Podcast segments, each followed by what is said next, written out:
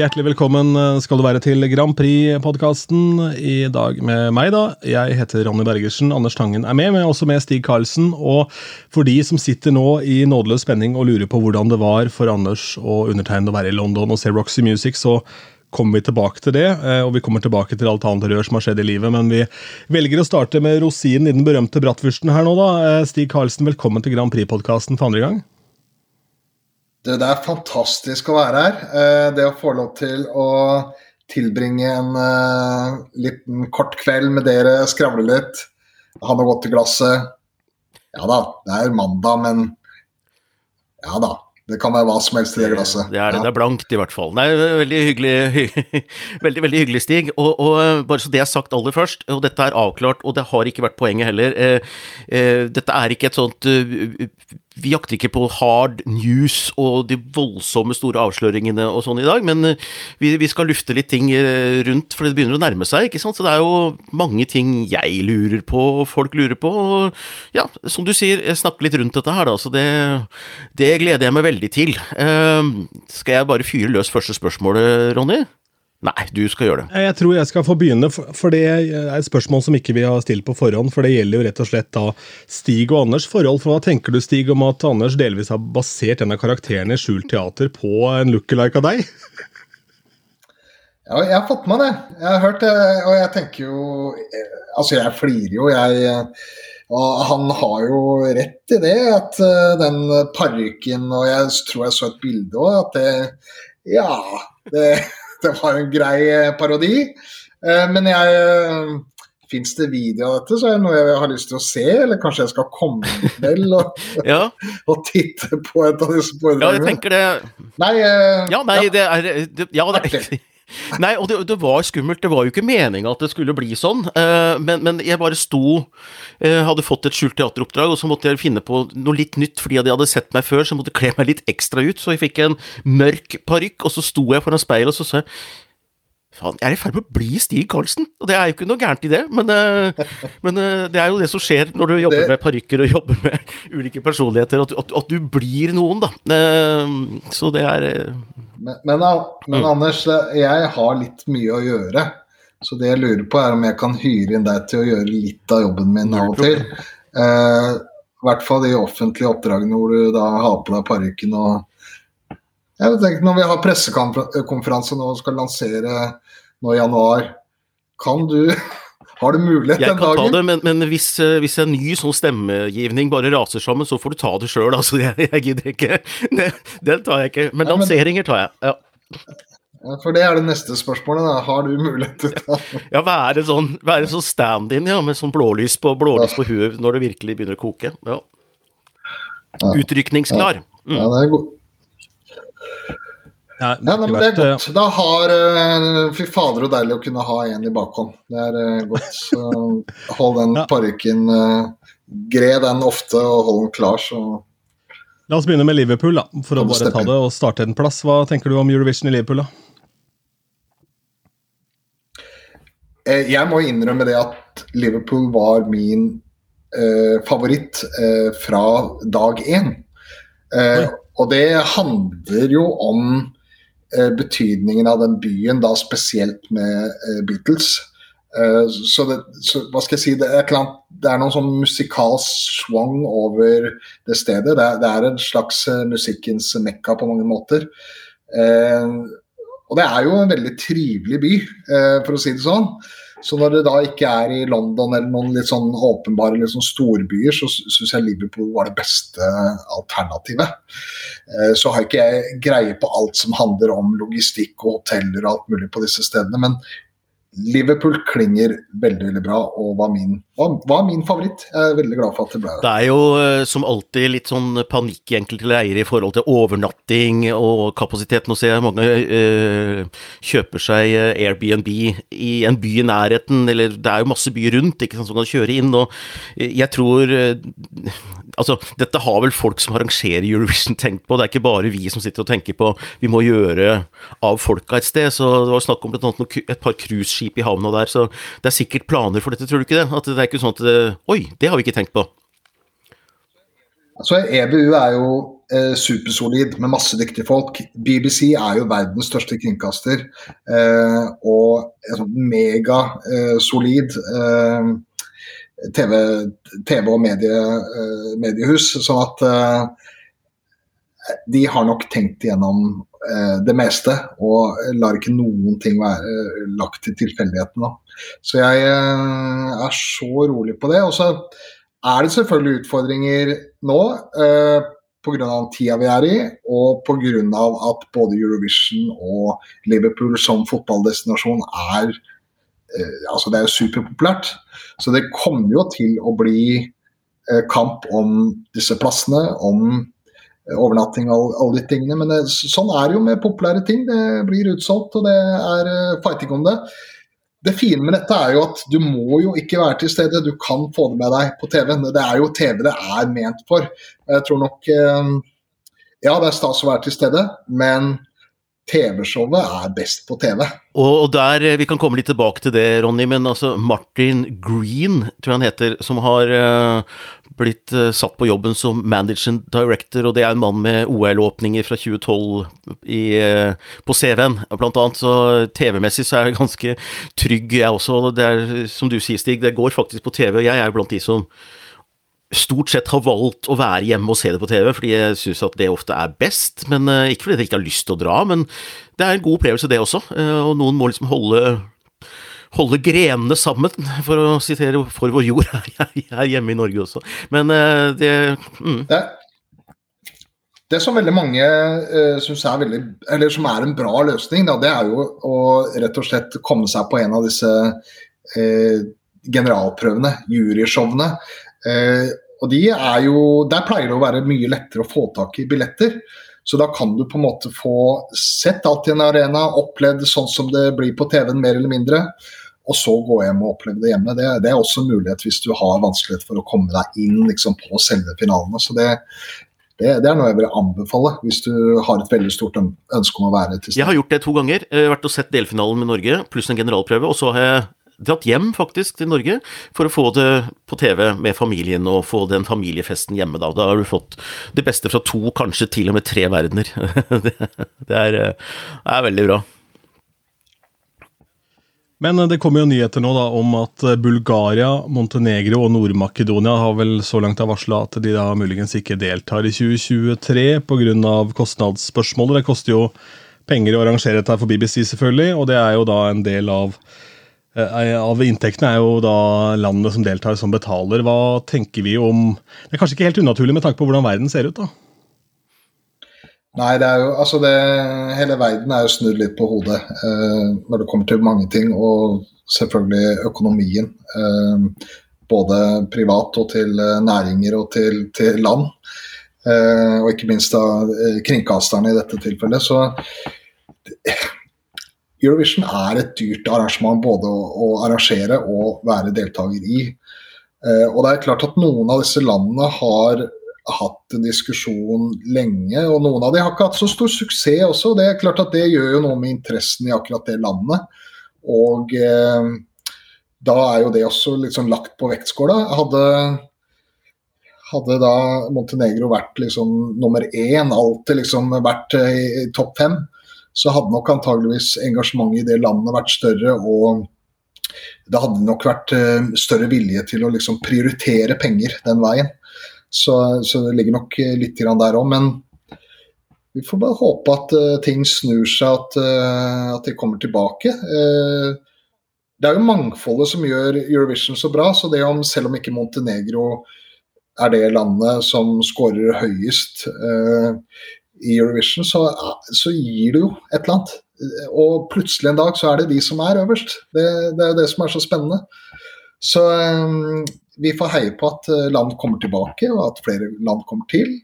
Og så skal vi jo vite det at ting har jo gått opp og ned. og i, i antall land som har deltatt. Og man begynte jo med ganske beskjeden beskjedent antall med land, og så har det blitt større og større og større. og større. Så på et eller annet tidspunkt så er det ikke så rart at uh, kanskje Eh, blir noen færre land før det øker igjen. Og så er det litt eh, artig med f.eks. Eh, Makedonia, da, som ikke si at de er drama queens, men jeg tror nok mange bruker en del sånn utspill litt sånn som forhandlingskort også, for å demonstrere et eller annet poeng, internt eller eksternt overfor kringkaster eller hva det måtte være. For eh, Montenegro har vel trukket seg, det vet vi, når det gjelder Bulgaria og, og eh, Makedonia, så tror jeg ikke det er eh, Det er i hvert fall ikke offisielt bekrefta fra EBU ennå. Men eh, de skulle trekke seg i fjor også etter en slags flaggskandale Makedonia. Da var jo alle nettsteder og blogger ute av at nå er Makedonia ute. Men de stilte opp, de. Så jeg Vi får se. vi får se. Tenker jeg, da. Ja, det er vel rett rundt hjørnet at vi får en offisiell, komplett liste. Så det er men det er, det, er et, eh, det er, jo et heftig stort uh, fellesskap med veldig mange land. Uh, nå er det litt spesielt fordi at pga. den politiske situasjonen så er jo Russland ute, og det er også Hviterussland. Så du har allerede liksom to land der som vanligvis uh, har vært med. Uh, og da du får noen land som i tillegg trekker seg pga. økonomi uh, i dette, så er det jo plutselig en del færre. Men hvor få kan vi være for vi fortsatt skal ha delfinaler, da? Eller mener semifinaler? Altså det er jo litt sånn Hvis det bikker ned mot 30, da, så skal liksom så Er det fem som skal ut, liksom? Nei, det som er spennende nå, det er jo om de endrer på hvor mange som kommer videre. Det kan jo være at man uh, gjør en endring på tall i forhold til hvem, hvor mange skal man tillate videre og sånn. Så vi får se om det blir noen regelendring. Men du tror det blir to delfinaler, altså semifinaler? Ja. Oh, ja. ja. Nei, men det blir det. det, det da er det noe helt drastisk hvis, hvis, man skulle gjøre om på det. Jeg har ikke hørt noe, uh, noe om det. Vi er nok fortsatt på et ganske høyt antall land og låter. Ja. skriv det i kalenderen. Eh, Ronny, jeg vet ikke om vi, om vi Grand Prix-podkasten skal gjøre et forsøk på å møtes på samme sted denne gangen.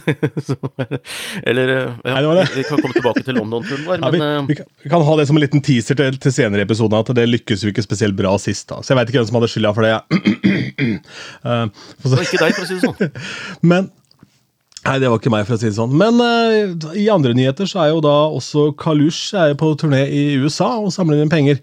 Uh, der er det jo da venta at de kommer til å da sope inn 1,5 million dollar til, uh, til Ukraina. For de reiser rundt i USA og spiller. Det syns jeg var litt kult. da. Og så er det gøy at det er såpass interesse for de i USA. Det har kanskje litt med politiske situasjonen å gjøre også. så for bandet sin del så er det jo på en måte litt sånn Konflikten skaper jo interesse, i hvert fall i statene, vil jeg tro, for, eh, for bandet også. Som de, en interesse de kanskje ikke hadde hatt dersom det ikke hadde vært en sånn for jævlig konflikt. da, så...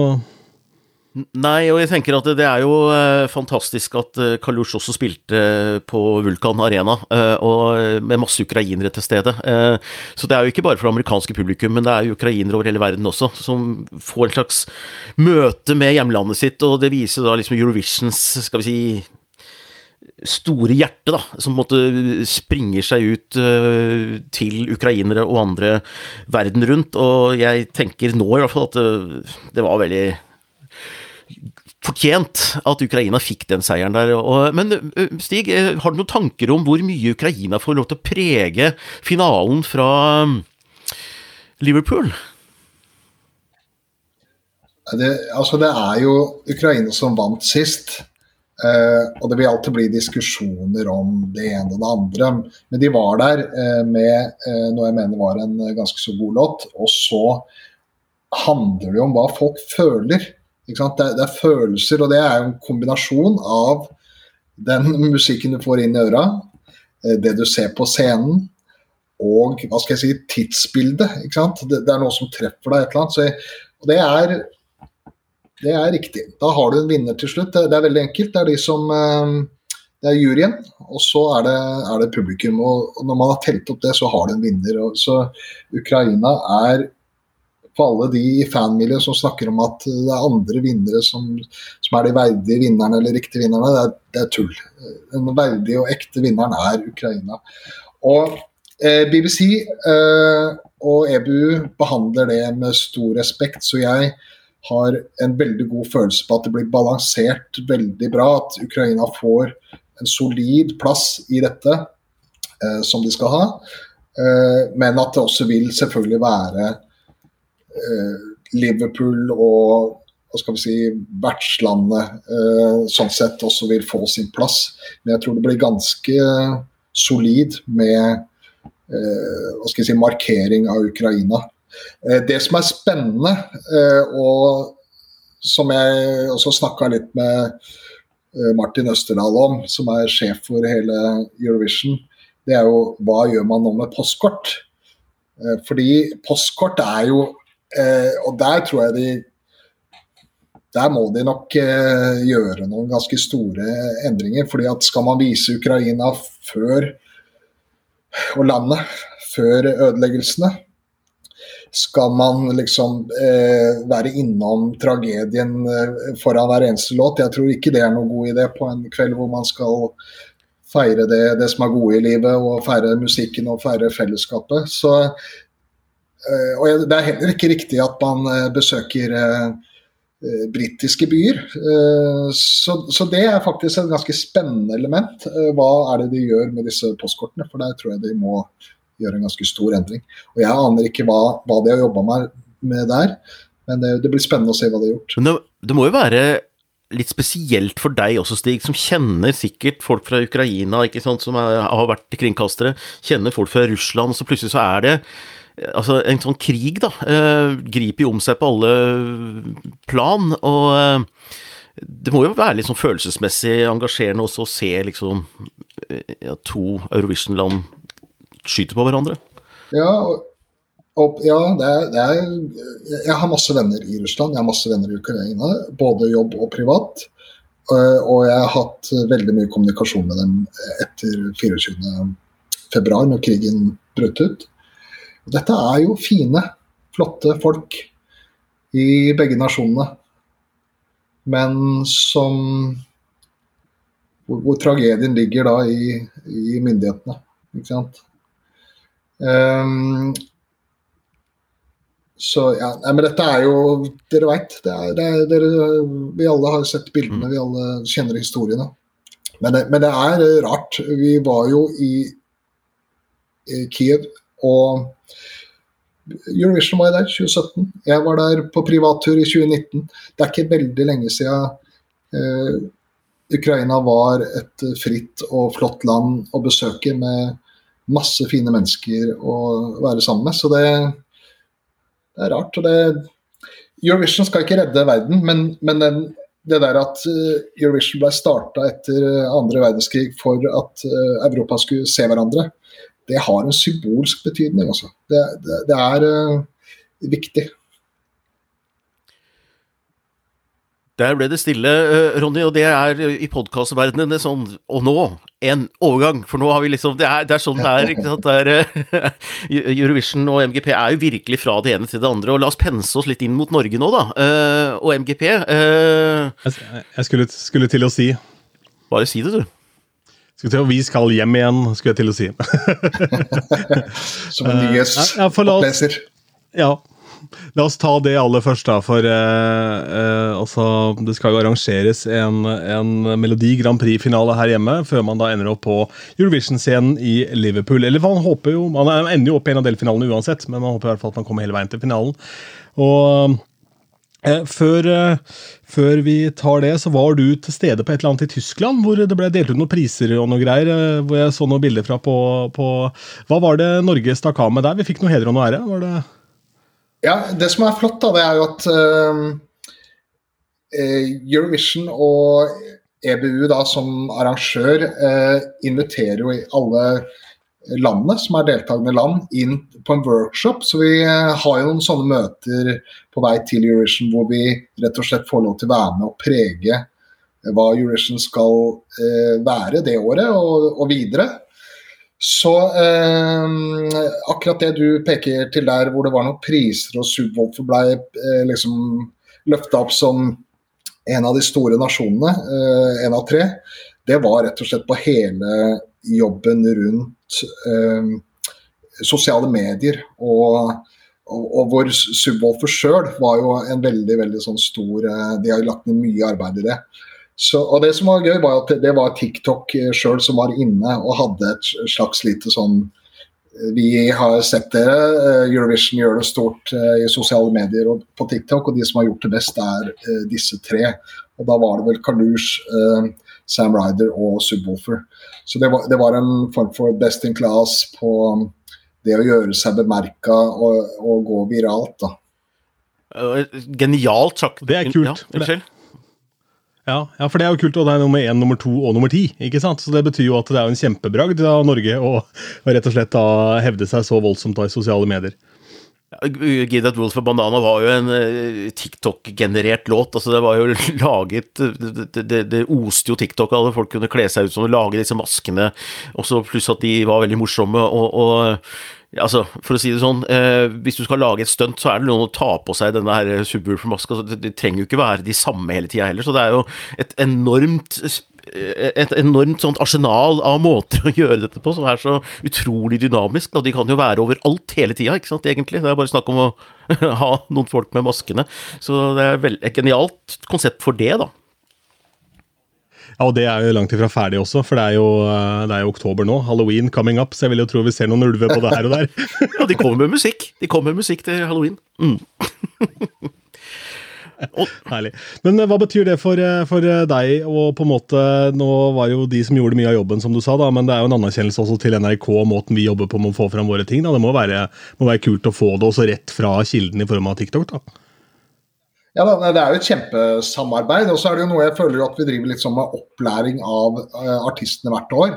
Og noen tar den skolen veldig seriøst og gjør jobben. og så er det noen som bruker litt lengre tid på å liksom, skjønne hva dette er. fordi at Eurovision er verdens største musikkbegivenhet. Det er veldig mange muligheter til å på en måte bli sett. Eh, men da, eh, men da, må du legge ned arbeidet, og du må liksom knekke den koden på å treffe internasjonalt.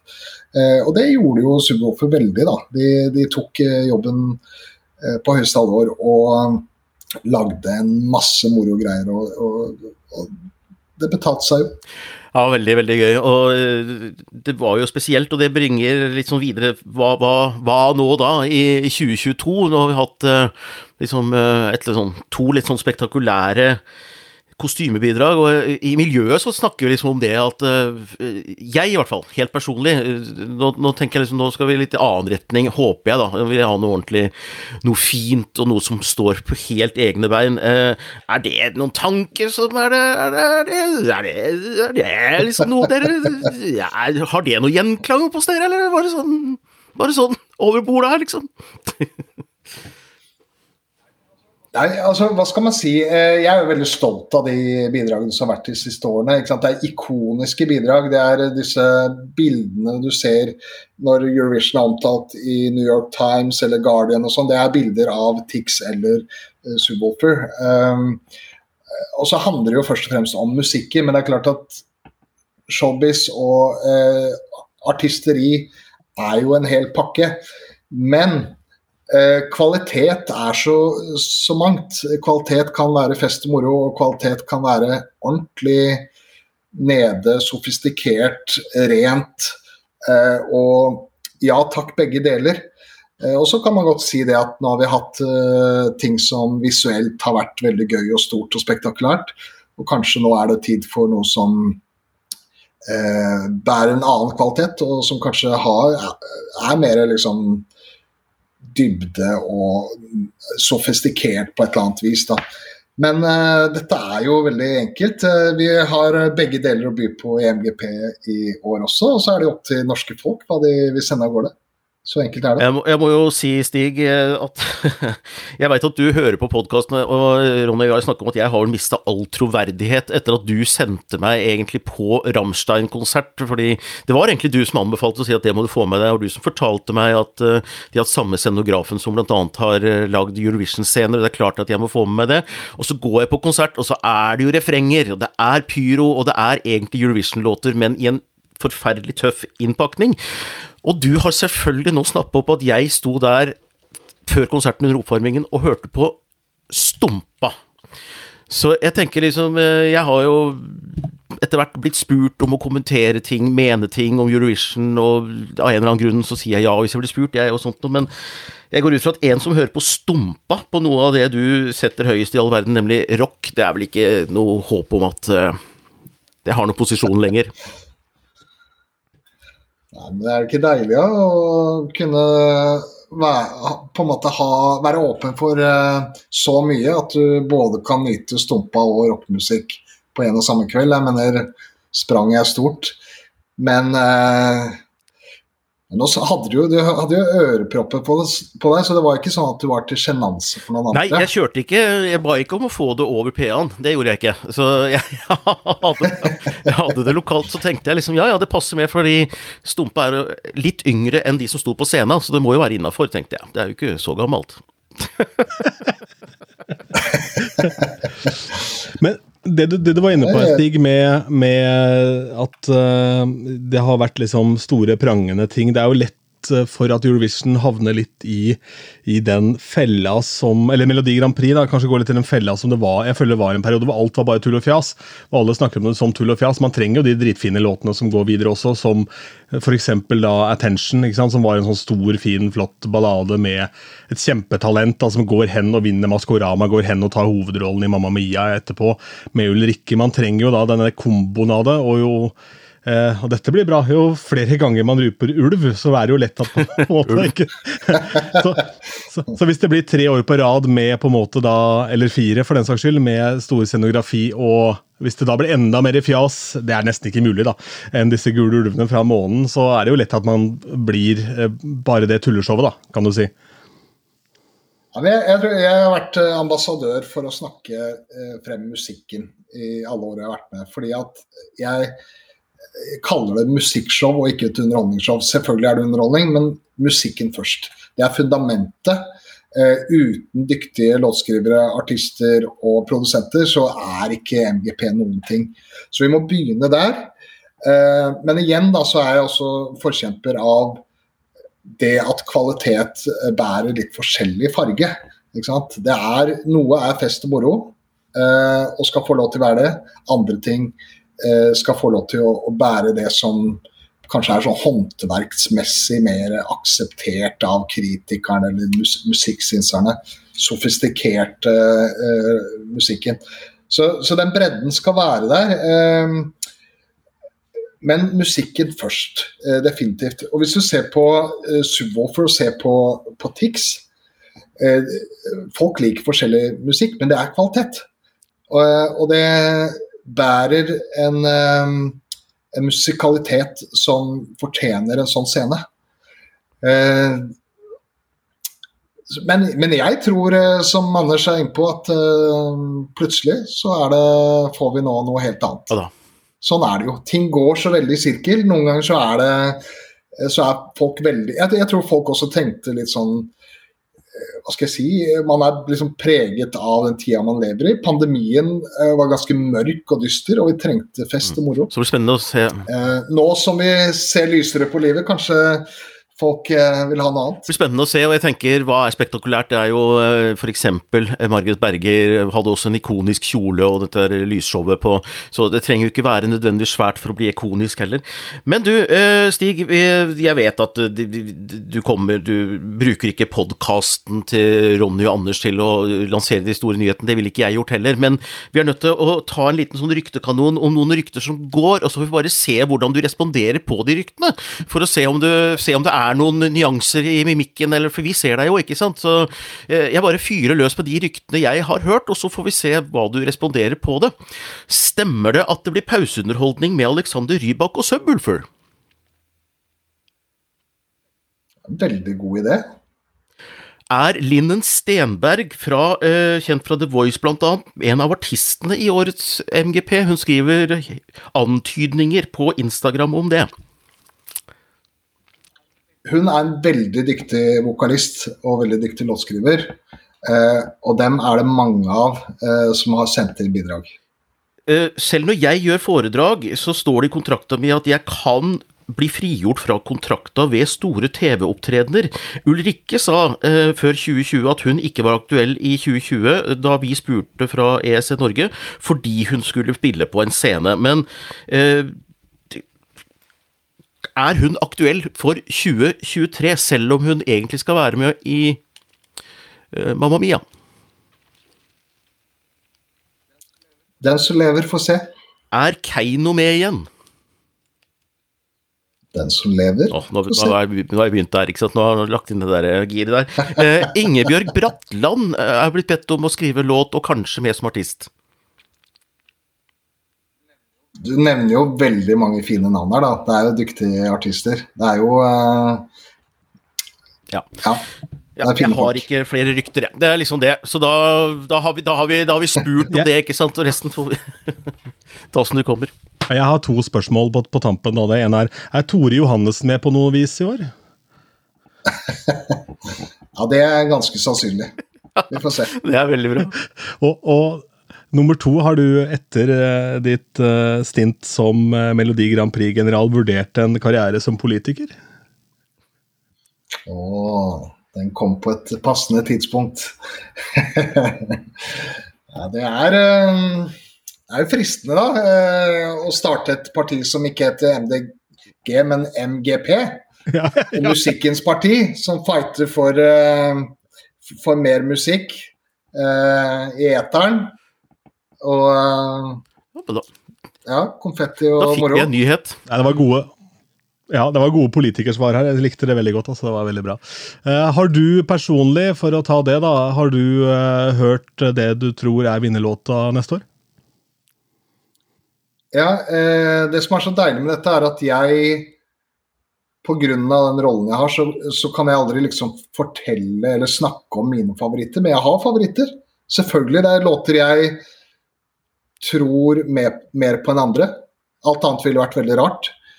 Eh, og jeg veit at jeg ved tidligere tilfeller har sagt at nå har vi så mange låter som jeg tror potensielt kan ta det og vinne hele skitten. Um, og det er ikke annerledes i år. For jeg virkelig føler det, hånda på hjertet, for eh, fire låter. Fire låter. Der sa han det. Hørte du det, Ronny? Ja. Jeg hørte fire, ja. ja. Noen, noen. Ja, jeg kjenner at, jeg kjenner at det, da, da, begynner å krible igjen, da, vet du. Og det, det, det veit jo Stig at det gjør hos oss som er veldig um, veldig opptatt av dette her. Så uh, mm. ja, men Spennende. Men du, eh, Stig. Uh, ikke, ikke, rykter og sånn, det skal du få slippe mer av nå, men vi har jo uh, bedt folk i min Tangens Grand Prix-boble komme med noen spørsmål til, til, deg. Og så vet jeg at du, det er ikke sikkert du kan svare, men du kan jo tenke litt rundt det. Og vi har et spørsmål fra Paul her, og det er blir det juryer i MGP 2023. Eller hva tenker du rundt juryer? Pål André Sommerfelt spør ja. om det. Hmm. Eh, jeg skal ikke gå inn i detaljene på det. og Det er også litt fordi at det er noe vi fortsatt uh, driver og er litt sånn i siste um, hva skal jeg si, vi, driver og tenker det ut og jobber med det for å få, få disse tingene til å bli riktig. Men det kule med, eller fine med juryer er jo både de, det at du får eh, en slags juryering som ligner mer på Eurovision, som er en bra ting. Eh, du får forbli at publikum og eh, fagjuryene har en tendens til å vurdere ting litt forskjellig, så, så, jeg tenker at det er en bra ting. Og så gjør det jo noe med spenningen, da. ikke sant? Når det presenteres, når du skal eh, både få presentert jurystemmer og folkestemmer. Så dette er noe vi titter veldig seriøst på. Um, og skal vi vinne Eurovision, så er det jo ingen uting å legge seg litt sånn tett på hva skal jeg si, de tingene som, som Eurovision gjør. da. Det, det jeg, jeg, er jo helt enig i det. Eh, jeg vil jo ha en norsk bransjejury, jeg da. Eh, men det skal vi ikke gå inn i, dette har jeg gjentatt så mange ganger, men nå har jeg sagt det også. Geir Brådli han spør antall låter i finalen. Eh, det er tre, det er tre delfinaler, og jeg har hørt tre låter som Eller jeg har hørt, altså nei, men Han har regna seg fram til hvis det skal bli ti da, i en finale, uh, så tre delfinaler, uh, så må det vel være sånn ja, sju-åtte, hvis det ikke er noen som kommer fra siden forhåndskvalifisert eller et eller annet sånt. Ja, kan du si noe om antall låter, og når du nå går litt ned på antall delfinaler? Mm. Jeg kan si at det er like mange låter som det var sist. Uh, og det, så tallet er vel 21.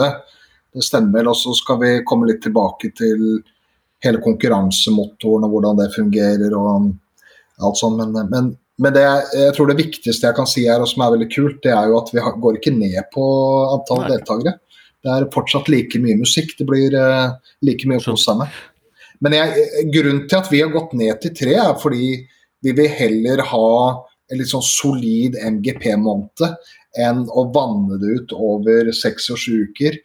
Vi, alle tilbakemeldingene er at uh, det rett og slett varer litt for, for lenge, at det er litt for mye. Eh, det kan være at de mest iuga fansen bare skulle ønske det var MGP hver uke hele året. Men, men den store bredden eh, har vel heia på at det er noe færre delfinaler. og at det ikke er At det er lettere, enklere å forstå. Jeg Eh, så, så det, dette er et vi har bedt om, rett og slett eh, til de som bestiller program i NRK om å få lov til å lage noen feil. Jeg tror du har stor backing på det, Ronny. Jeg bare tar de spørsmålene fra bobla her. Ja. Eh, og så er det Lina Berg som spør finalesending i Oslo Spektrum? spørsmålstegn. Vi skal komme tilbake til sted, men det jeg kan love er at nå er vi jo tilbake i storformat. Svær arena. finalen Eh, er på en stor arena som gjør det mulig at um, hvis du ikke venter altfor lenge, så vil du klare å skaffe ja. deg en billett. Og, uh, det blir en stor. Og da blir det finale et annet sted enn delfinalene? Det ligger vel i det du sier der, eller? Det, det, blir en størrelsesforskjell på delfinalene og finalen. Og så er det Lisa Helene Jotun, men det svarte du på i stad, om du har hørt It-sangen i år som vi skal vinne Eurovision med, men du har jo sagt fire av det, så det, det har, du, det har du svaret på. Uh, ja. Nei, men Der er jo løsningen at uh, Nord-Makedonia, hvis de trekker seg Så vi kan sende flere, vi! Ikke tenk på det, vi har flere. Nydelig. Ronny har svar på Heidi spør, Heidi Kjølstad, er det forhåndskvalifiserte låter i år, eventuelt hvor mange? Jeg skal komme tilbake til hele konkurransemotoren og alt sammen. Uh, men det blir jeg, Det jeg kan si, da, det er at når vi går inn i et, et, ny, et nytt år og skal jobbe med ting, så er det viktigste styret, hva skal jeg si, kompasset vi har, er jo publikum. Det er tilbakemeldingene. Så vi gjør ganske store publikumsundersøkelser. Vi snakker om tusenvis av mennesker. Eh, og vi gjør også undersøkelser av typen sitte hjemme hos folk og se MGP. Jeg gjør riktignok ikke det, for jeg har noe å gjøre den kvelden. Men vi har folk ute som sitter i familier, sitter i litt forskjellige steder og observerer folk. Hvordan de stemmer, hva som irriterer de. Eh, så, så det er på det nivået der. Så at vi gjør jo ingenting eh, litt sånn bevisstløst, ubevisst. Vi er, vi er veldig bevisste på de valgene vi gjør. Så, så og nå har vi hatt en sånn skikkelig runde eh, hvor vi har eh, virkelig gått inn i materien. Eh, lyttet og silt tilbakemeldinger. Og vi har også satt sammen et nytt MGP-team med noen av de veldig sånn solide folka som har vært der i mange år. Men det, det, det, er flere nye involvert. MGP-teamet nå i år er helt fantastisk bra satt sammen av nye og gamle sjeler som vil så mye, og som har så passion for dette. Å, det er fantastisk. Jeg, jeg får så får så bilde av Bent Hamers film, eh, 'Salmer ved kjøkkenbenken', hvor det satt, hvor det satt sånne inspektører på sånne svære krakker på kjøkkenet og så på han mannen som kokte egg, om han gjorde det riktig og sånn. Så det at, det at Stig Karlsen altså sender ut inspektører hjem til folk for å se hva de smiler av og ler. Det er jo, det er jo fantastisk morsomt. Jeg, ehm, ja, det, jeg skal holde øynene og ører Nesten så jeg ikke får lyst til å være i salen, men sitte og kikke litt rundt for å se om jeg ser sånne inspektører gå rundt med sånn frakk og solbriller og mm, snike ved vinduene. Mm. NRK er en bra arbeidsplass, og vi har en fantastisk analyseavdeling som gjør dette her. Ehm, folk som jobber, jobber med dette og, og ja. ja, men det er gøy går ordentlig inn i materien. Så har dere jo da disse lyttegruppene også, som, som, jeg har skjønt er forskjellige. Det er bransje, det er litt aldersbestemt øh, og øh, ja, ulike sammensetninger. Noen er fans, noen er mer vanlig musikkinteresserte. Så dere gjør jo en grundig jobb, da, med analyse. Og, men, men, hender det noen gang, Stig, at, at du velger å overprøve alle råd og bare følger på en måte hjertet ditt og din guts. For jeg tenker at én ting er jo å bare høre på analyse og tall, og noen, men andre ganger er det bare å være, ta lederskap og si at vet du hva, dette skal vi kjøre på med uansett, fordi dette er ting jeg tror på. Altså, du har jo da din, din bakgrunn. Ja, men jeg tror det, det, er også noe av suksessfaktoren av og til. Å gå imot uh, strømmen og virkelig tro på et eller annet. Uh, og jeg har gjort det, og jeg har lykkes med det flere ganger. og det handler jo om teft og kompetanse. Så, så, så, det skjer, at jeg gjør akkurat det du beskriver nå. Overprøver alle gode råd, alle velmente råd. Men det viktigste vi gjør, er å se til publikum alltid se til publikum. og Det er derfor jeg har vært så opptatt av å bruke disse fokus, disse lyttegruppene, og rett og slett virkelig gjøre et sånt grunnarbeid. Fordi at flere hoder, flere ører, flere mennesker involvert gir et mye bedre analysegrunnlag. Det er Man kan være man kan, man kan, på en måte mm, være høy på seg sjøl og tenke at alt det man driver med sjøl og de tankene man har sjøl, er, er, alltid det beste. og det, det, er bare tull. Det er en veldig dårlig måte å gjøre ting på. Uh, så, så, det å hel, lytte mer enn du prater og, og bruke, bruke publikum, bruke andre som kan faget, det, jeg tror det er uh, veien til å hele tiden utvikle seg og ja, være åpen og være nysgjerrig og strekke strikken da, for, for hvert år. Det er jo ikke noen tvil om det at det å ha en konkret plan og en trygghet i den planen også er en, er en stor styrke. Det er jo Karpe et godt eksempel på. Norges uten sidestykke største band på norsk. De har gjort ting på sin måte og sånn som de vil gjøre det hver eneste jævla gang. Eh, og det blir større og større, og hva, hva, blir det neste? Nå skal de ut i Europa også, så det blir jo helt absurd, dette her. Men eh, det er moro og gøy. Det er stor Karpe-fan. Det er uh all respekt til hva de har fått, fått, til over alle disse årene, og at de har klart å holde på populariteten. Og Det å gå på konsert med Karpe nå eh, sist i Spektrum, og eh, se at de rett og slett har latt, latt alle de store hitsene fra før hvile for å presentere nytt materiell. Det var riktignok noen hits der som vi kjenner fra før, men det var, det var fantastisk nydelig. Og de, og de lykkes med det. De klarer å presentere noe, eh, noe som er relativt nytt, i hvert fall for veldig mange. og så det var vel utelukkende musikk fra de to siste platene, tror jeg. Eller kanskje tre siste. Men ikke noe fra liksom, da jeg ble, ja, jeg ble kjent med dem. Det er veldig, veldig gøy. Altså. Men det vitner jo, det, det jo om en sånn her veldig uh, som jeg, Et ord jeg har blitt litt opptatt av det siste, en slags formidlingstrang, et formidlingsønske. altså De har noe på hjertet, de har noe de vil fortelle.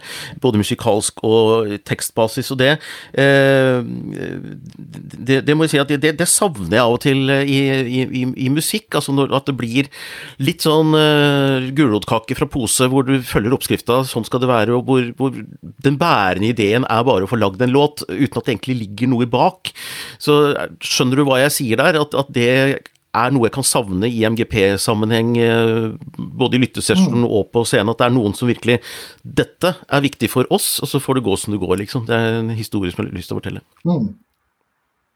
Nei, men jeg, jeg, tror nok uh, veldig mange det er, det er det de ønsker, å ha den unike låta som har noe unikt ved seg, og som på en måte ikke er eh, fabrikkvare eller som er generisk.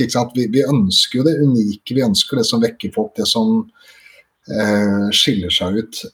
men det er også de vanskeligste låtene å lage. Så det, er klart at det er noen låter imellom hver gang man men er grunnen, til, er grunnen til at uh, ja. på uh, låtskrivercamper Det er ikke bare du som gjør det, det er jo over hele bransjen. Det er låtskrivercamper i hele Europa og hele verden sikkert hele tida, uh, også med MGP. Men, men, er noe av grunnen til det at rett og slett at de låtene som kommer inn sånn utenfra, er for svake? Altså jeg har lyst til å si to ting. men Det første er egentlig bare å rydde litt i det. for Jeg har jo sett i foraer og de diskuterer og man spør hvorfor eh, bruker, Carlsen så mye tid på disse campene. Sannheten er at jeg bruker ikke så mye tid på campene. Det jeg bruker mest tid på er den oppsøkende kontakten. Men disse campene er jo eh, public in a way, offentlige. Uh, og de som deltar på de er jo veldig sånn uh, deler uh, i sosiale medier og sånn, som er veldig gøy. Men den, store, eh, jobb, den største jobben jeg driver med, er jo oppsøkende kontakt. Rett og slett være eh, i kriker og kroker av landet og prøve å få tak i eh, gull der. Eh, og så har vi denne åpne innsendinga igjen, som også er hvor alle kan sende inn. Det som er med campene, det er at, og som er veldig bra, det er at vi kan håndplukke artister, låtskrivere, produsenter som vi veit er jævla bra. Og så kan vi rett og slett eh, la de være kreative sammen i flere dager. Eh, men også litt sånn Jeg kan være der på starten og snakke om dette funker aldri. Eh, dette har potensial til å, å, å, Hvis dere klarer dette, så kan det skje et eller annet med musikken deres. Eh, og jeg eh, spiller opp videoklipp, jeg spiller opp lydklipp, og jeg snakker mye om det å lage eh, musikk for TV. Og det å berøre folk. Eh, og det å Altså Jeg gir dem rett og slett en liten sånn leksjon i MGP Eurovision. Både som inspirasjon, men også eh, en slags kunnskap om det formatet. Um, og, og, det som skjer, er jo at veldig ofte så kommer de beste låtene ut fra disse campene av den grunn at, de, at vi har samla de flinkeste folka. At de har blitt inspirert, at de er uh, i et trygt miljø hvor de kan leke med hverandre. Uh, og at de har rett og slett uh, tatt med seg noen gode tips og råd på veien. Jeg var i studio jeg, når de lagde 'Give That Poo for Banana' sa at kast, kast ut det party og, og gjør dette i stedet. Eh, jeg har ikke skrevet låta, men jeg fikk være der og på en måte ta litt i rattet underveis. Eh, og det har en hensikt. Disse campene er jævla bra. Uh, og så har folk kanskje en sånn tanke om at ja, men det er fabrikk og det er ekte, det kommer fra kassegitaren nede i kjellerstua. Uh, jeg tror på at når dyktige, flinke folk uh, møtes og man åpner hjertet sitt for andre. Jeg har tenkt dette om livet og verden, og jeg har disse kordene. Så er ikke det noe dårlig idé. Ja, og så Hvis du er oppe på The Woods, da, selv om det er i andre etasje over en jernvareforretning, så føles det som å sitte inne i kjellerstudio. Det er helt kassegitarer på veggen der også, så det er ikke, det er ikke, det er ikke så fjernt fra denne kjeller, kjellerstua. Jeg tror det, står en slitt, tror det står den der tradisjonelle slitte skinnstolen også er der, mm, som skal være i et sånt studio. Ja, og så tror jeg folk, liksom, når de er redd for generisk fabrikklagd musikk eh, Hvis vi begynner å peke på de låtene som har gjort det stort i MGP, da. Eh, eller om de ikke har gjort det stort, de låtene som på en måte har skilt seg ut, vært annerledes, vært rare. Så kommer jo de ofte fra disse campene, for det, det er det jeg ber om. Jeg ber om vær unik, vær annerledes. Um, og, og, der er vi liksom hovedgreia. Lag låter som treffer folk umiddelbart, som har den umiddelbarheten med seg men balanser den med å være altså jobb utafor boksen. ikke sant? Eh, kom med det unike. Klarer å finne balansene mellom det gjenkjennbare eh, og det unike og det rare, så har dere vinneroppskrifta. Jeg noterer. Når eh, får publikum eh, mer informasjon fra deg og NRK om hvordan det ser ut i 2023, Stig? veldig snart. Eh, det som er ganske sånn komplekst med arenaer og ting og tang, er jo det at eh, vi skal ikke bare putte en scene der og så skal vi putte stoler. Det er jo alle kameravinkler. Lys, eh, teknologi. Og så skal dette ut på anbud. og så er Det er masse både tekniske og forretningsmessige ting. Som, som, rett og slett gjør at det tar fryktelig lang tid. Det er mange mennesker og mange beregninger og ting og ting som skal inn i det før man liksom kan gå ut med ting. Men uh, vi er ikke så langt unna nå at vi kan begynne å snakke litt om billetter og hvor det er, og da også kan dele litt mer eh, konkret rundt hvordan hele MGP 2023 ser ut. Har du prøvd denne arenaen før, eller? Godt spørsmål. Jeg tror eh, før, før, Tangen tar helt av her, så tror jeg vi sier tusen takk for eh, tiden din, eh, Stig. Det var helt nydelig at du kunne bli med. Det er, det er sunt å ta en sånn liten fot i bakken. La oss, la oss gjøre det igjen når ting er klart, og når vi begynner å se litt deltakere og sånn. Og så tenker jeg han har jo gitt oss en helt nydelig mat til, til senere programmer, Anders. For han har jo gitt oss fire navn han liker. Så hvis de fire nå ender opp da på denne scenen, så er det bare å glede seg. Og så kan vi jo da gjette på hvem de fire Stig liker er. Mye morsommere enn Oscorama, til og med. Eh, og prøve å finne de fire. Vi, gjorde ikke annet sist Stig sa det, hvor det skulle være fire vinnere. Hele Europa var jo opptatt av hvilke fire var det han mente, så, så, så det er jo en fin måte å få oppmerksomhet rundt de 21 låtene på, egentlig. For alle lurer på er det den, er det den, er det den? Og det er jo Og det var jo riktig, det var flere låter som hadde hatt den muligheten, men det står jo ikke bare på den låta fra Norge. Det står på også hva de andre landene sender, og hvordan verden ser ut rundt, og hva folk, eh, hva folk går i gang på. Så det er jo ikke, det er jo ikke bare å bestemme seg for å vinne Eurovision, liksom. Det, det er ikke det. Men det, det, hjelper å gjøre et hederlig og ærlig forsøk, i hvert fall. Det tror jeg Stig og co. gjør. Det er jeg sikker på. Lykke til. Takk. Ha det bra. Litt lite prat om Stumpa, men ellers var dette veldig hyggelig. vi, ta, vi, får ta en Stumpa-episode. Ja. Så der, da har vi sendt Carlsen eh, på dør. Han overlevde ryktekanonen og det ene og det andre. Det er jo virker som vi er i trygge hender også denne gangen. Jeg er ikke bekymra, og uh, litt sånn uh, nå kan vi snakke litt om det Stig sa og sånt, og så, så sier han jo uh, mye tanker og mye refleksjon rundt en prosess, tenker jeg, selv om det egentlig ikke er noe han har jo ikke røpt noe som helst, uh, og det er godt gjort. Uh, men, men allikevel så føler jeg at jeg har fått noe å tenke på. Jeg syns måten han tenker på rundt det hele er ganske interessant å få et bilde inn i hvordan de egentlig resonnerer, da. Det må jeg si. Absolutt, og både innsikt i eh, tankene hans rundt dette med juryer og, og dette med låtskrivercamper og den type ting. Det var én ting han sa der som jeg syns eh, er veldig sånn viktig å tenke på, det er at de låtskrivercampene får mye fokus rett og slett fordi de får fokus. Oppsøkende virksomhet han driver med på si, får jo ikke noe fokus. Telefoner han tar fra sitt kontor, får jo ikke noe fokus.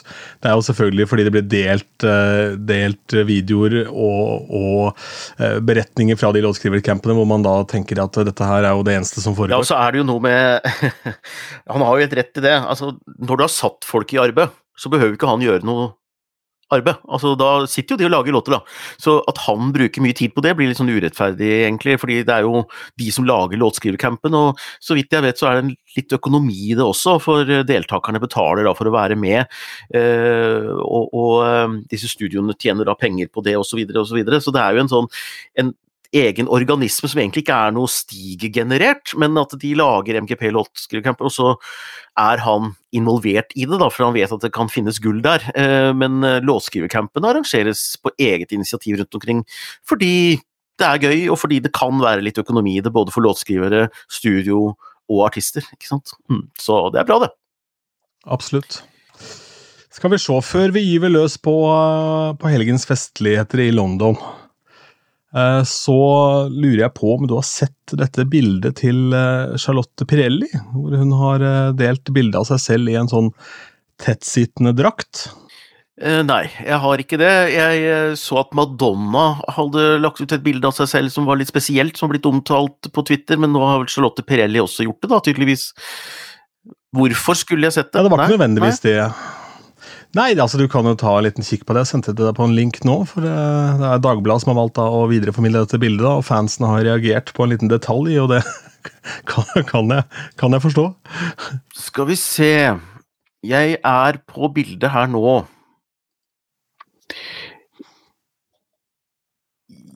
Ja, altså Ja. Ja. Hva er dette, da? Det er en ja, hånd. det er jo det. Men, Men eh, nei, det ser, ser, ut som det, det, er en liten snabel som stikker ut her, ja. Det. ja veldig greier, altså. Ja. Ja, den hånda der, det er Ja, nei, jeg skjønner jo at det, altså, det er et eller annet med Når alt annet er photoshoppa eller retusjert eller sminka eller gjort noe med, eller brukt fillers eller noe sånt noe, så kunne det jo være en lur idé å bare kikke på det bildet før det legges ut også, ikke sant? Mm. Jeg tenker det er betryggende at ikke det er et ja. uh, skusla med bildet, i hvert fall. Der ja. uh, får vi med penislanken er med ja. på bildet. Det tenker jeg er greit. Eh, Retusjert person, sånn stort merke. Ja. Ja, hun har klippa inn lite, et lite lem der selv, en liten fallos. det er fint. Åh, Jesus, for en verden. Uh, ja, La oss ta helgen. Eh, det var jo en veldig spesiell fredag for meg. For eh, det startet med en begravelse, og da putta vi stemoren min i jorden. Hun gikk bort og tapte da kampen mot kreften. Gikk ganske fort der på slutta. Ble jo ikke mer enn noen og 60 år gammel. Men grunnen til at jeg nevner det her, at den siste låta var jo 'Adjø'. Oh, ja. Det var det, ja. Jahn Teigen og Anita Skorgan. Eh, og da hadde jo jeg eh, også en sånn tidsplan at jeg var da en del av denne begravelsen, og så skulle jeg dure da rett til flyplassen for å fly til London og se Roxy Music. Jeg rakk jo selvfølgelig ikke det flyet, for det var en ulykke på E6. Jeg måtte da booke om den flighten, så jeg reiste altså over til London med en tannbørste i lomma og en deodorant. Det var det jeg hadde med meg, for jeg dro rett på Oi. jo.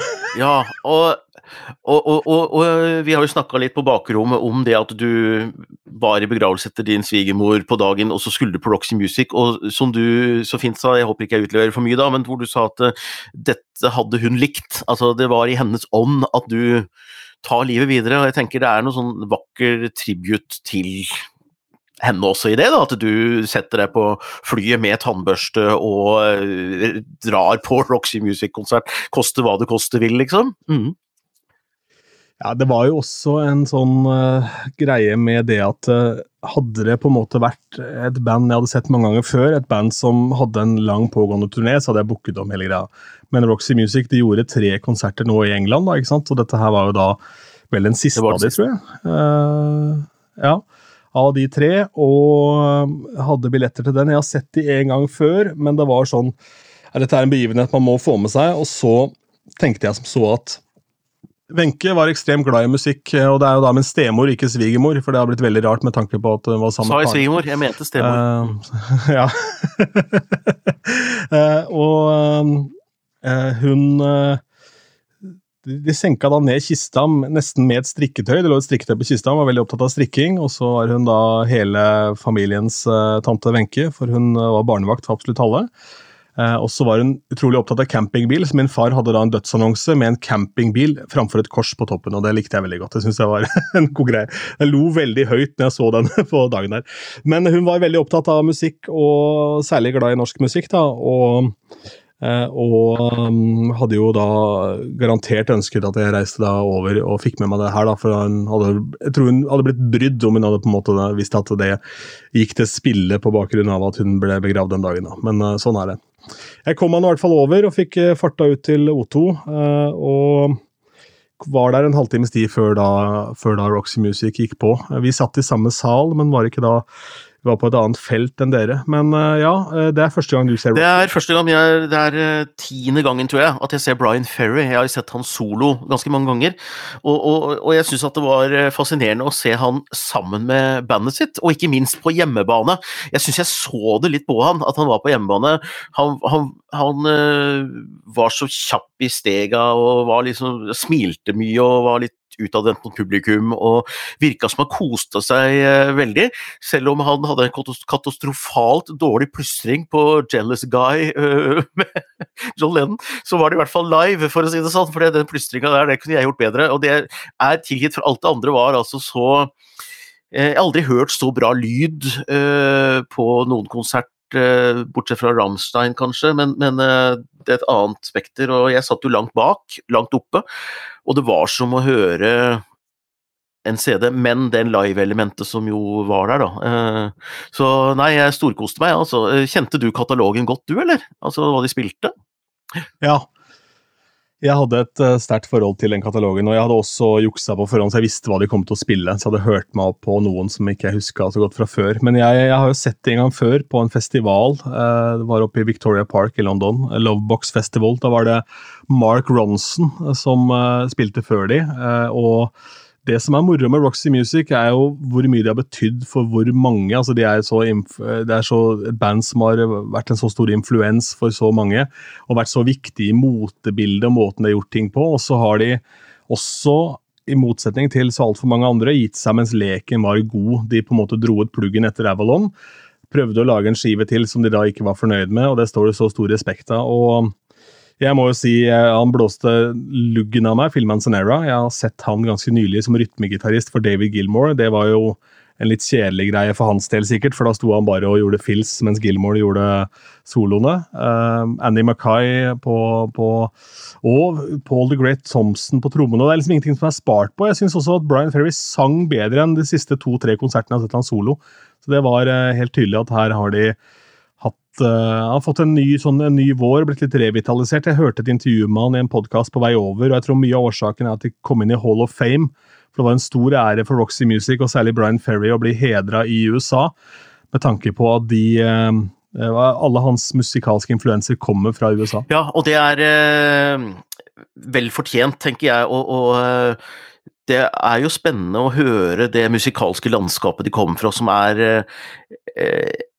enda mer, skal vi si eh, Altså, kordene Hvis hvis du skal liksom sette opp kordene på disse låtene her, så er det ganske Det er liksom ikke akkurat tregrepsmusikk, dette her, og, og, det er taktskifter, og det er jo eh, du, du, du skal henge med, da, altså, mens Brian Ferry på en måte har eh, strømlinjeforma det mer, og gjort mye sånn Dylan-covere, som jo er kassegitarlåter rett fram.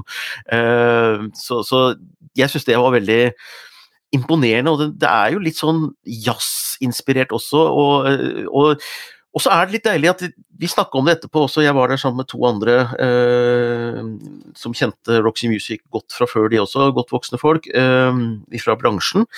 Eh, så de kunne liksom vurdere dette her, og som de sa at det, det, er så befriende at de egentlig ikke har prøvd å fornye seg. altså det er liksom sånn, For vi snakka om at han hadde vært på konsert med Sting, og så hadde det bare vært sånn jazzifisert versjoner av Sting. Altså, folk går jo ikke dit for å høre jazz, du går for å høre Sting sine låter. Og går du på Roxy Music, så får du Roxy Music sine låter, og det er ikke noe grunn til å begynne å fornye dette når de har en så gammel katalog som de har nå, fordi det, for meg var dette nesten nytt, og det låt ikke utdatert, altså. Det gjorde ikke det i det hele tatt. Og eh, til og med jeg godtok saks, selv om saks er jo lyden av 80-tallet. Eh, David Sandborn-saks, liksom. Saks 6. Men det, det er eh, Men nei, jeg, jeg, jeg, koste meg veldig. Så nesten ingenting fordi Eller jeg så jo alt, men lyden var Fordi jeg satt så langt bak, men det var deilig, altså. Veldig, veldig bra. Og det var jo også en ganske fin seanse etter konserten her, hvor vi har tenkt å ta med oss Tangen og, og møtes på en, på en, pub der som het Klipper mm. bar. Som da en kamerat av meg som heter Geir, som var over, og han hadde da googla seg fram til at denne baren var oppe til ja. klokken ett. Og Hvordan gikk den der Klipper bar-turen din, egentlig? Eh, for det første så var jo jeg der sammen med et par andre karer, og eh, før vi skulle inn, så satt vi på eh, noe som het Boo Bar eh, i området der, og der var det Det var, det var et konsept som heter Battle Bar. Eh, og der var det øksekasting, blant annet.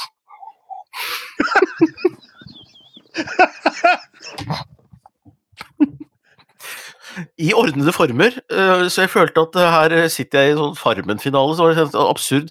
Det var sånn lyd av sånn shuttlebord og øksekasting og mye sånn aggressive lyder. Før jeg gikk inn og så liksom Elegantier-poppens uh, Brian Ferry, så det, det, var en rar oppvarming.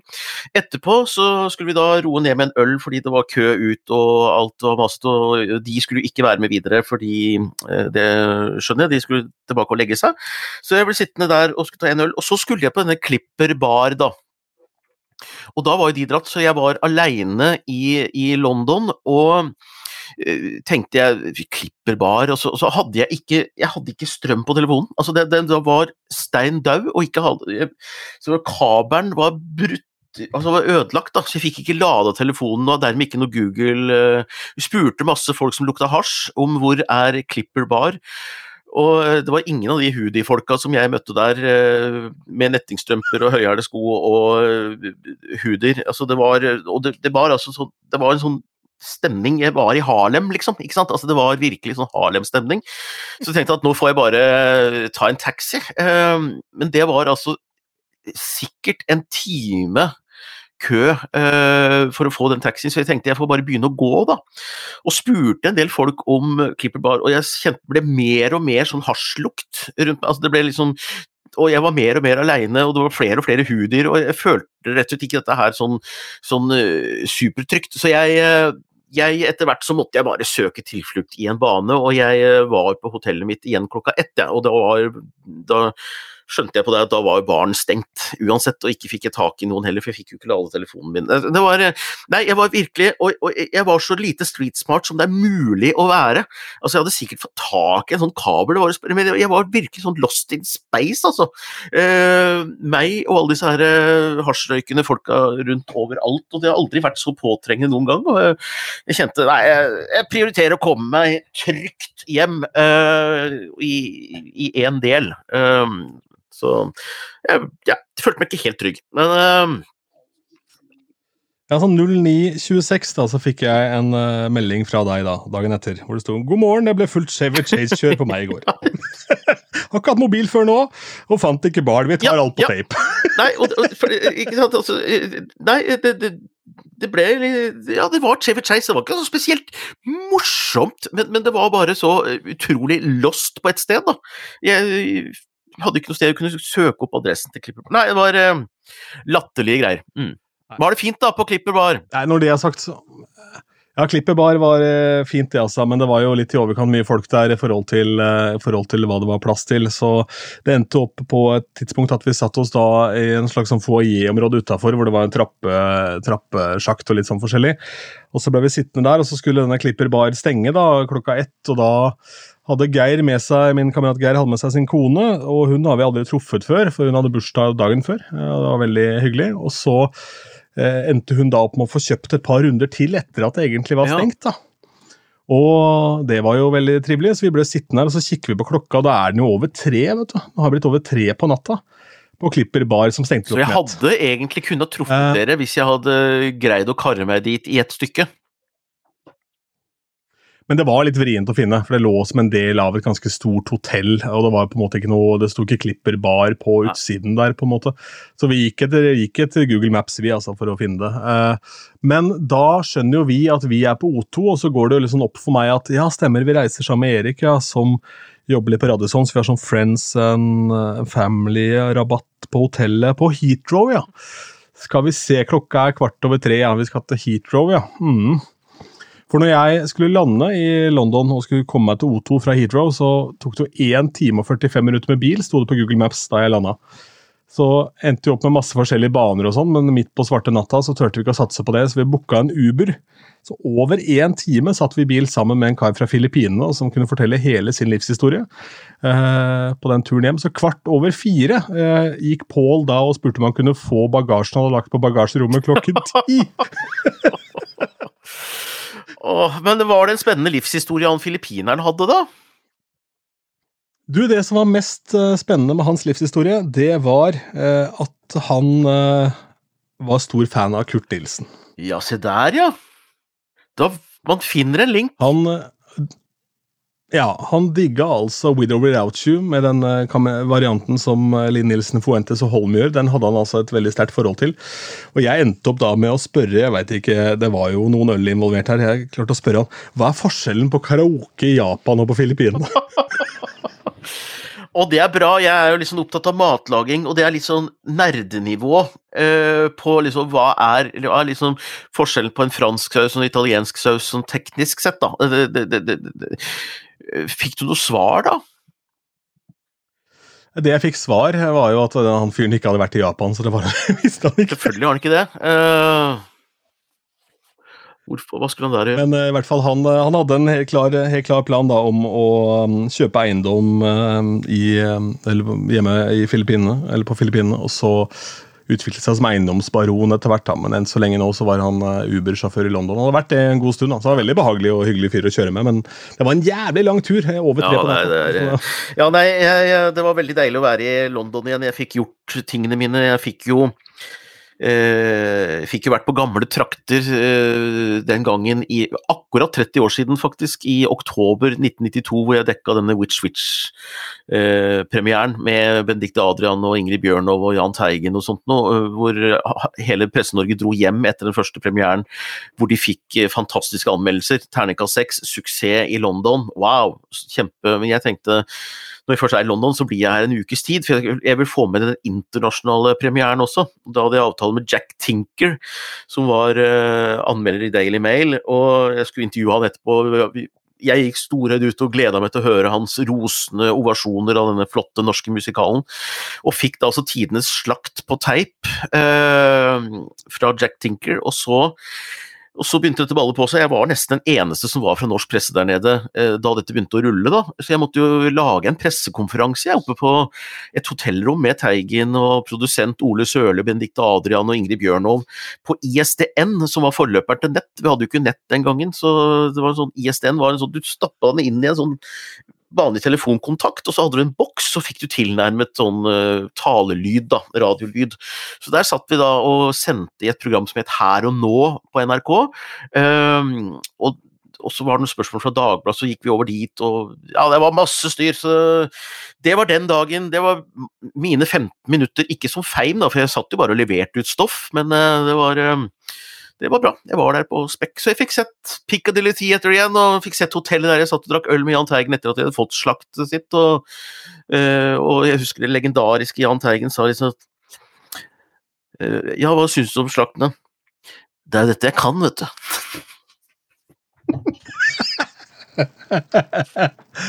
Min uh, venn Geir har sett utrolig mye konserter, og de var og så ABBA-showet på lørdagen der. Vi dro jo rett hjem igjen, men de var og så denne, denne ABBA-hologramforestillingen. og Han sa at det var altså så høy kvalitet over den produksjonen, så hvis du er fan, så var det verdt å ta seg råd til de uh, billettene. Jeg har valgt å droppe det pga kostnaden sånn Jeg syns det var voldsomt dyrt da, til å være et hologramshow, men han, Geir mente på det at det var rett og slett bare å få det på. Så hvis du sitter litt på gjerdet der og lurer på om du skal se det eller ikke være stor ABBA-fan, noe som du jo kan være hvis du hører på denne poden, så er det visstnok da ifølge Geir, så får du ringe han, du kan få nummeret hans av meg etterpå.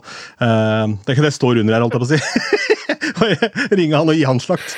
Nei, men Da har vi vært greie med lytterne våre. Nå ga vi liksom bort Grand Prix-stoffet. Og de spesielt interesserte som hører mest på dette her pga. at de vil få med seg hva skjer i livet til Ronny og Anders, de har jo nå fått litt stoff her, da, ikke sant. Så jeg tenker vel at uh, dette er halvannen time som har uh, vært Eller Kanskje ikke så lenge, men uh, skal vi si at det er greit, eller? Ja, en drøy time. Si det er greit, eller? Ja, ja. Jeg tror vi sier det er bra der. Da sier vi tusen takk for oss. Du har hørt Grand Prix-podkasten igjen. Stor takk til Stig Karlsen som gadd å stille opp som gjest.